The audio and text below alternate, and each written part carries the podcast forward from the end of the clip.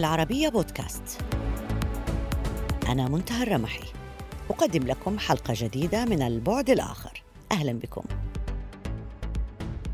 سنة 1964 احتضنت مدينة القدس المؤتمر الفلسطيني الأول والذي جرى فيه الإعلان عن ميلاد منظمة التحرير الفلسطينية باعتبارها الممثل الوحيد للشعب الفلسطيني في المحافل الدولية وفي كفاحه المشروع من أجل قضيته. في أغسطس سنة 1967 وبعد هزيمة الجيوش العربية. شهدت الخرطوم مؤتمر القمة العربي الشهير بمؤتمر اللاءات لا صلح لا اعتراف ولا تفاوض. أكثر من نصف قرن مضى على هذه الأحداث. جرت في نهر الزمان مياه كثيرة. انتصر العرب وانهزموا. تفاوضوا وحصلوا على نتائج إيجابية أحيانا وسلبية أحيانا أخرى. تغيرت كل المعطيات. ولكن بقي جزء من الكيان العربي والفلسطيني اسيرا لفكرة اللاءات من دون أن يقدم بديل يتجاوز الشعارات إلى الأفعال. الرئيس الفلسطيني ياسر عرفات كان واحدا ممن قرأوا ملامح التغيير. قدم خطوته التاريخية التي أسفرت عن تأسيس السلطة الفلسطينية عام 95 ولكن الخطوة لم يعقبها خطوات فقد تجمدت عملية السلام لعقود وعادت الحقائق على الأرض لتنفصل تماما عن الشعارات المعلنة. بينما ما زال حزب اللاءات يرفع شعار الرفض تجاه كل خطوة في طريق السلام أو التسوية. اليوم وبعد الاتفاق الإماراتي الإسرائيلي والدفعه القويه التي أخذتها عملية السلام عادت سهى عرفات. أرملة أبو عمار للأضواء بعد أن صمتت طويلا لتدافع عن الخطوة وتستنكر افعالا غير محسوبة قام بها معسكر الرفض الدائم وصمتت عنها للأسف قيادات فلسطينية كثيرة. السيدة سهى عرفات هي ضيفة اليوم في البعد الآخر. أهلا بك معنا سيدة سهى. أهلا سيدة منتهى. أهلا أهلا. شكرا على الاستضافة. أهلا بك. آه قبل قبل أن آه أشكرك على الاستضافة أريد أن أقول انني بمالطا. وليس في أبو ظبي مع كوشنر ومع جرين بلات ومع ال يعني أخطط وأشتغل السياسة. سيدة سهى رد على تم تسريبه وسنتحدث عن هذا الموضوع بعد قليل إذا سمحتي لي. بس بالأول بدي أبدأ ب بس أنا أنا بمالطا مش بالإمارات مش عندك كان أنا بأكد إنه أنت بمالطا أنت على ال satellite. لو كنت صاعي لو كنت عندي كان كان بالإستوديو كان بشرفنا الحقيقة. طبعا. سيدة سهى سنوات طويلة أنت صمتي فيها عن الكلام أو التعليق العلني على الأحداث مهما كانت هذه الأحداث. لماذا الآن خرجتي عن صمتك؟ يا سيدتي عندما يحرق علم دولة عربية كالإمارات ويحرق رموز الدولة في وطن فلسطين خرجت بصفتي أعتذر وباسم الشرفاء من هذا الشعب. صدقيني يا منتهى لن أرضى أن يحرق ولا علم عربي ولا علم قطر ولا صور الشيخ تميم ولا صور الشيخ محمد بن زايد ولا صور جلالة الملك سلمان ولا ولي عهده الأمين. أنا أرفض أرفض هذه الطريقة السوقية في التعامل يا صديقتي. الاختلاف في الرأي لا يفسد للود قضية نستطيع أن نختلف. وقد أعلن الرئيس محمود عباس أنه لا يعني غير مقتنع بهذه الخطوة وقال في طريقة سياسية محترمة في تصريح محترم. لكن الباقي الموجودين خونون خونوني وخونوا الإمارات. لا تستطيعوا أن تخونوا الإمارات.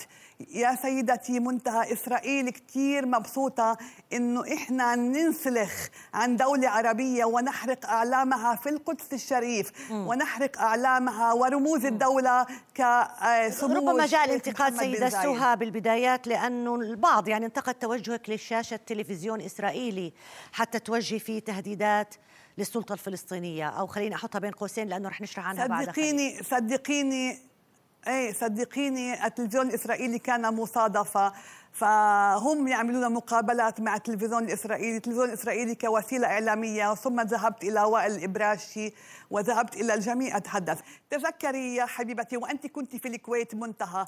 كيف لما أبو عمار أخذ موقف أنه يوقف مع صدام حسين؟ 400 ألف فلسطيني من الكويت طردوهم وصاروا من المخيمات. هل نريد زعتري ثاني هل نريد أهم عائلات؟ أنت عارف أنه في 300 ألف فلسطيني يا صديقتي منتهى يعلمون ويطعمون ويوفرون كل شيء لمليون فلسطيني لأنهم ما شاء الله مقتدرين. أين نذهب فيهم؟ كان يقول أبو مازن دائما دائما جملة شهيرة وأحبها دائما. أطعمهم من جوع وآمنهم من خوف. يا أبو مازن طبعا وإنت يا حبيبنا يا أبو مازن مسؤول مش بس على أهل فلسطين بالضفة ورام الله وغزة أنت مسؤول على 13 مليون فلسطيني. أتمنى أن لا يغلطك الناس اللي حواليك ويعملوا مشاكل. إسرائيل صدقيني يرقصون ومبسوطين. لو كان الراحل أبو عمار مع دولة عربية. لو كان الراحل أبو عمار على قيد الحياة كيف تتصوري كان يتعامل مع هذا الموقف سيدة سهى؟ موقف سواء هذه الردود تجاه الإمارات أو حتى الاتفاقية نفسها. شوفي أبو عمار لما وقتها حس بالغلط لما وقف ضد السادات وقت ما صار في الاتفاقية. بعد بعد تتذكرين حصار طرابلس أبو عمار ذهب فورا فورا فورا إلى السادات وقال له حقك علي لأنه في يعني مصر هي قلب الأمة النابض. وأقول للأجيال اقرأوا شو عملت السعودية اقرأوا شو عملت الإمارات. بتقولي لي ياسر عرفات شو كان بيعمل؟ بتعرفي ياسر عرفات شو كان كان عمل؟ كان بحبهم لابناء الشيخ محمد من هم وصغار كان قال لهم رجاء رجاء يا شيخ محمد بن زايد. أنا مش قادر لنتنياهو. تعال مش مهم الإيجو مين حررها. تعال أنا انت اضغط. أنت عندك قوة اقتصادية تقدر تضغط على نتنياهو. بطلب منك ترجع لي 200 ألف فلسطيني. بطلب منك إنه الشهداء إن إنه الاسرى تطلع لي إياهم. بطلب منك نقابل المستوطنات. هيك كان ياسر عرفات محاوله استثمار هذه الاتفاقية لصالح الفلسطيني بنهاية الأمر. والحقيقة أنه الإمارات قالت. إنه هي مستعدة أنه يكون في مقاربات جديدة حتى في التعاون مع إسرائيل. يعني كان يمكن كسب هذا لا أبرر ولكن هذا ما يقال. طيب ستي هذا جزء من هذا واحد من الأبعاد لهذه الحرب مع بعض قيادات السلطة الفلسطينية. هل في البعد الآخر في شيء شخصي؟ بالذات بعد الاصطدام مع شقيقك جاب الطويل وبعد كل الحديث عن تسريبات آه بفساد ممكن الطالق والطالب يعني أبو عمار نفسه كمان. آه، آه، لا تزر قال القرآن الكريم بسم الله الرحمن الرحيم لا تزر وازرة وزر أخرى. يعني بنفس الوقت آه، هناك سيدة اسمها انتصار أبو عمارة مسؤولة على مكتب الرئيس وهي تقرر كل شيء في المكتب. وطبعا في أشياء بتقررها بفلسطين. هي كتبت رسالة ووقعتها من الرئيس. يطالب السفير جبران داود الطويل بالقدوم فورا للتحقيق لأنه رفض أن يستقبل الفعاليات المناهضة لدولة الإمارات. هذا سقطة سياسية كبيرة كبيرة جدا مع كتاب رسمي ماضي مجبرا دكتور رياض المالكي وزير الخارجية. هذه سقطة سياسية. آه، آه، فأنا قلت لجابي يا حبيبي لو قبلت نتنياهو ما كان عملوا لك هيك. هل هل نحن غلطنا ونستشعر أن الإمارات هي التي تحتلنا؟ أو إسرائيل هل عندما يحرق صوري بالمخيمات آه، آه، عشان هالموضوع أنا آه، وسمو الشيخ محمد بن زايد هل هذه هي تعليم للأجيال القادمة أن عدوكم هما الدول العربية أو الامارات هذا يخدم مصالح إسرائيل اولا وأخيرا. فإجا قرار توقيف جابي على العمل آه، وطرده لحد الآن طرده وإنه يروح على المقر.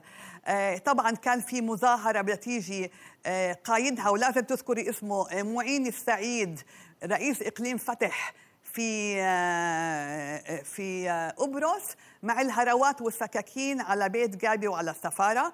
طبعا القوات القبرصية إجت وحاصرت السفارة وهذا. هل نحن صرنا ليس الرئيس منزه؟ أنا بقول لك عصابة مافيا تحكم هذه هاي عصابة المافيا مافيا؟ آه، سيدة سهى هي اللي ذكرتيهم أو هي اللي كنت تقصدهم لما قلتي أنه بك- بكفي إذا بدي أنشر قليل مما أعرفه سأحرقهم أمام الفلسطينيين وإذا حقيقة عندك أشياء ممكن آه طبعاً، ممكن أكيد، تكشف عمليات أكيد. فساد ما آه بتتصور إنه الشعب طبعاً، طبعاً. عنده حق يعرفه مش عمليات فساد حتى عمليات تجسس. كل واحد لمين تابع؟ صدقيني مش أ- أريد هنا أن آه، أغتنم هذه الفرصة معك صديقتي منتهى.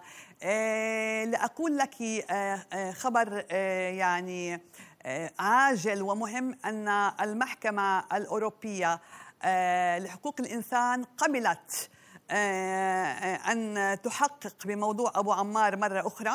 إلها ثلاث سنين بتحقق وسنستدعي الشهود من من من من من البداية من البدايه وهذه محكمة الحقوق الإنسان الأوروبية. آه، ستكون هناك قصة كبيرة جدا وسأعرف من وضع السم لياسر عرفات. أطلب من الجميع 16 سنه وهم يوعدوني أنا يهاجمون زهوة عرفات لأنها لا تتكلم العربية.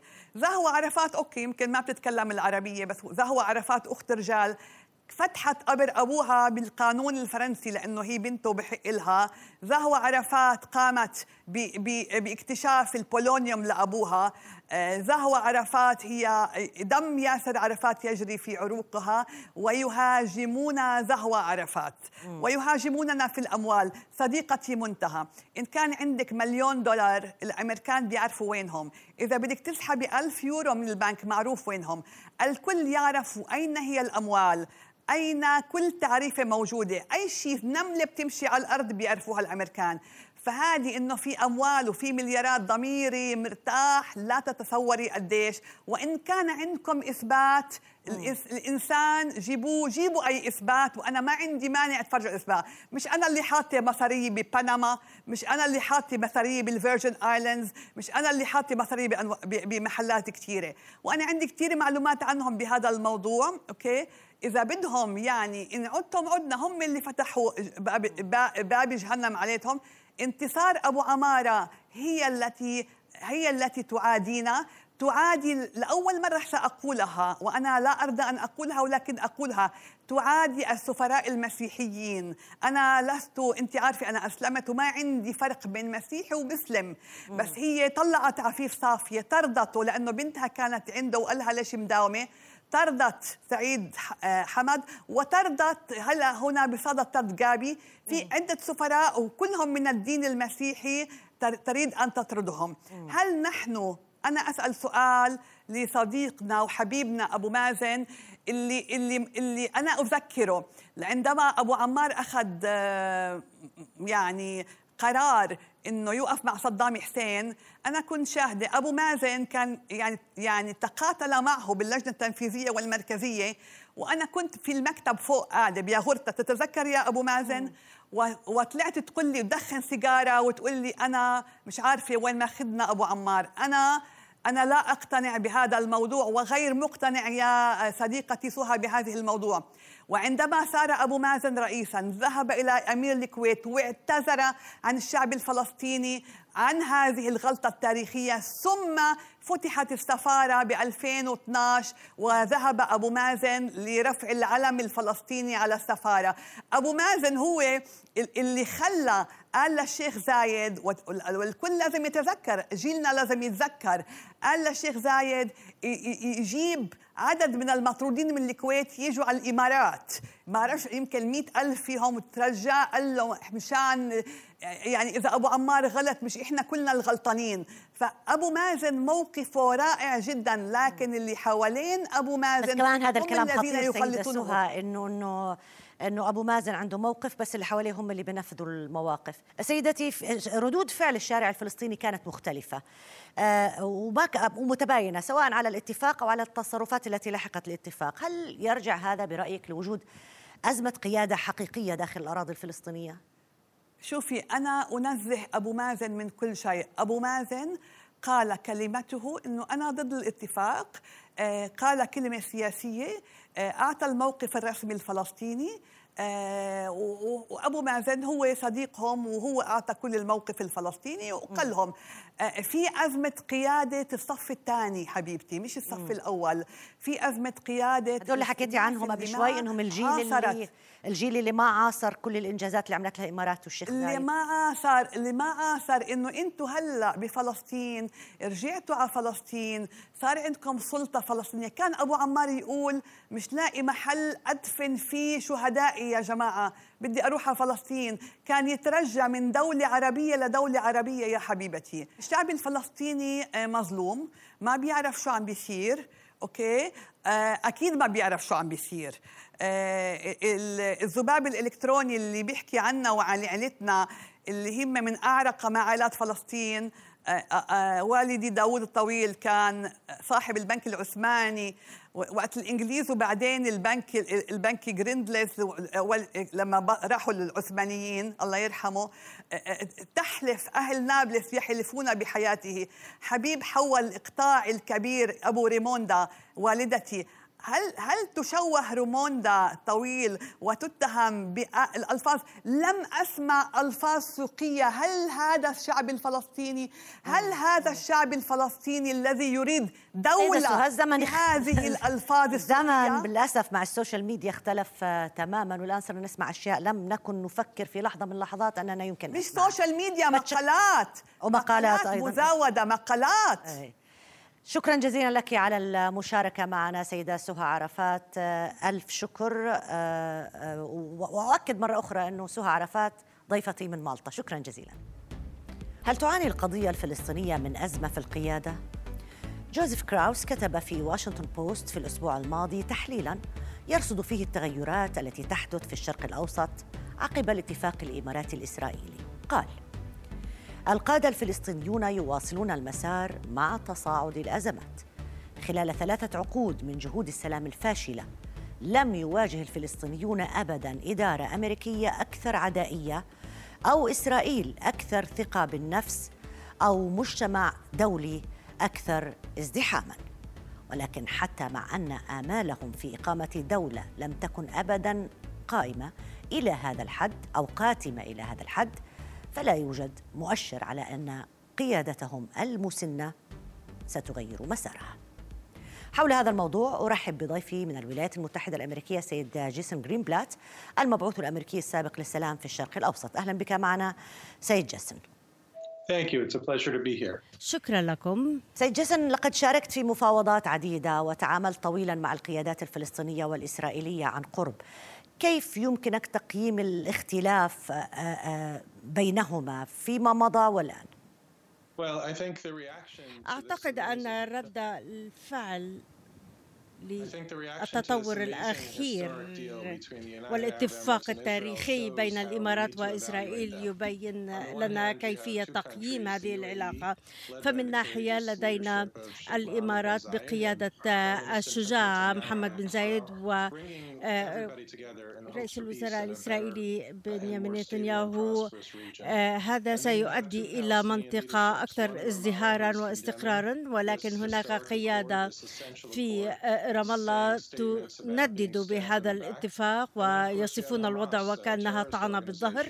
وحماس المنظمة الإرهابية التي نددت بهذه الخطوة وأعتقد أنه حان الوقت للقيادة الفلسطينية أن تدرك أن هذه خطوة ضرورية ومهمة على هذا المسار المعقد نحو السلام وتقرير المصير وتحديد مستقبل إن حملوا الأمر على محمل الجد.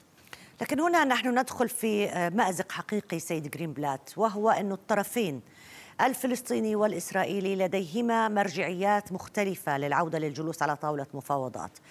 الإسرائيليين الآن ربما يؤمنون بما أطلق عليه صفقة القرن بينما الفلسطينيون وأتحدث عن السلطة الفلسطينية وليس عن حماس مؤمنون بمبادرة السلام العربية. لو قرر الفلسطينيين يعودوا لطاولة مرة أخرى وفق أي مرجعية سيعودون؟ بداية دعونا نفصل بين آه، نزاعين هناك آه، نزاع عربي إسرائيلي وآخر فلسطيني إسرائيلي. آه، هما مرتبطان لكن يمكن التعامل معهما بشكل منفصل. لكن إن ركزنا على القضية الفلسطينية والخطة التي أطلقها الرئيس ترامب وكنت أنا أحد المصممين لها فهي يجب أن تكون باتفاق الطرفين. إذا كان هناك قبول جماعي من جانب وقد يكونون مع الخطة الإسرائيلية وهناك لتنفيذ هذه الخطة لابد أن يقوم الطرفين بعمل دؤوب من أجل الوصول إلى المفاوضات. والإسرائيليين قالوا أنهم مستعدين لذلك لكن الحكومة الفلسطينية في رام الله أو السلطة الفلسطينية في رام الله قالوا أن هذه الخطة ليس لها معنى ورفضوها. ولا أن يكون هناك أو مسألة أن يكون هناك حوافز للعودة إلى مدى التفاوض. أعتقد أنها هدرا للوقت. قد هدروا فرصا وكل الأمور آه، التي تحدث تبين أن إسرائيل تزدهر والسلطة الفلسطينية تواصل كونها قد وجدت نفسها خلفها الآخرون بمفردها. هنا نحن لا نتحدث عن حوافز. يعني الجانب الفلسطيني عندما يذكر هذا الموضوع هو يتحدث عن حقوق. قد يكون لديه استعداد للتنازل عن بعضها كما يتحدث الجانب الإسرائيلي عن حقوق أيضا.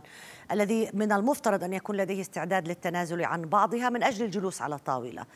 الآن كيف كيف يمكن للجانب الفلسطيني أن يقرر أن يذهب إلى مفاوضات خاصة مع كل هذا الدفع من من كثير من المفكرين الحقيقة بانه على القيادة الفلسطينية أن تغير طريقة تعاملها الآن لأنه الزمن تغير ولن تستطيع أن تتعامل مع القضية الفلسطينية كما تعاملت معها في التسعينيات. هنا يأتي السؤال من أي منطلق؟ لا أحد يجب أن يضغط على طرف أو آخر. فنحن آه، لا نضغط على إسرائيل ولا على الفلسطينيين نحن الولايات المتحدة بل أفضل ما يمكن فعله هو أن الحكومة الأمريكية وربما آه، مفكرين وربما الاتحاد الأوروبي يمكن أن يساعدوا والأمم المتحدة أن يساعدوا بأن آه، يسعى الفلسطينيين إلى مستقبل أفضل بالجلوس إلى المفاوضات وحاولوا تقدموا تنازلات والتوصل إلى أفضل اتفاق أو يضعوا شروطا ويدعوا أنهم آه، سيأتوا ستأتيهم آه، صفقة على يد الأمم المتحدة أو غيرها. هذا لن يحدث بل الشعب الفلسطيني هو الذي يجب أن يحاول الخروج من المأزق لكن إن جلسوا جانبا فإن الشعب الفلسطيني سيبقى عالقا على مدى سنوات طويلة قادمة. إذا هل تتفق مع ما آه، آه، ذكرناه قبل قليل من آه، المقال بأنه آمال الدولة الفلسطينية إقامة الدولة الفلسطينية ما زالت قاتمة وتخبو أكثر فأكثر بينما القيادة الفلسطينية التي وصفها الكاتب بالمسنة مصرة ألا تغير رأيها؟ نعم للأسف هذا صحيح ولكن لدي إضافة على ذلك إن واصلت السلطة الفلسطينية رفض التفاوض مع السلطة مع مع إسرائيل فإن الأمل ضعيف جدا. فما من طرف يمكن أن يقدم لهم ما يريدونه ما لم يتقدموا هم حتى بأفضل الظروف كانت السلطة الفلسطينية ستجلس مع مع الجانب الإسرائيلي إلا أن هناك كثير من المعاناة في قطاع غزة بسبب حماس التي تدعمها إيران وعلى حماس أن تغير ولا يمكن أن يحل النزاع الفلسطيني الإسرائيلي جزئيا. يمكن أن تحسن الأمور لكن إن أرادوا ما يطالبون به والرؤية التي وضعت بخطة السلام فما من أمل لهم بترتيب الأمور ما لم يعالج كل الأمور مرة واحدة.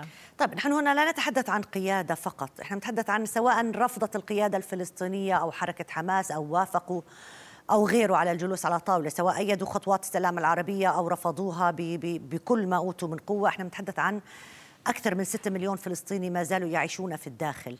آه، آه، هؤلاء كيف يتم التعامل معهم؟ كيف يتم النظر إليهم الآن؟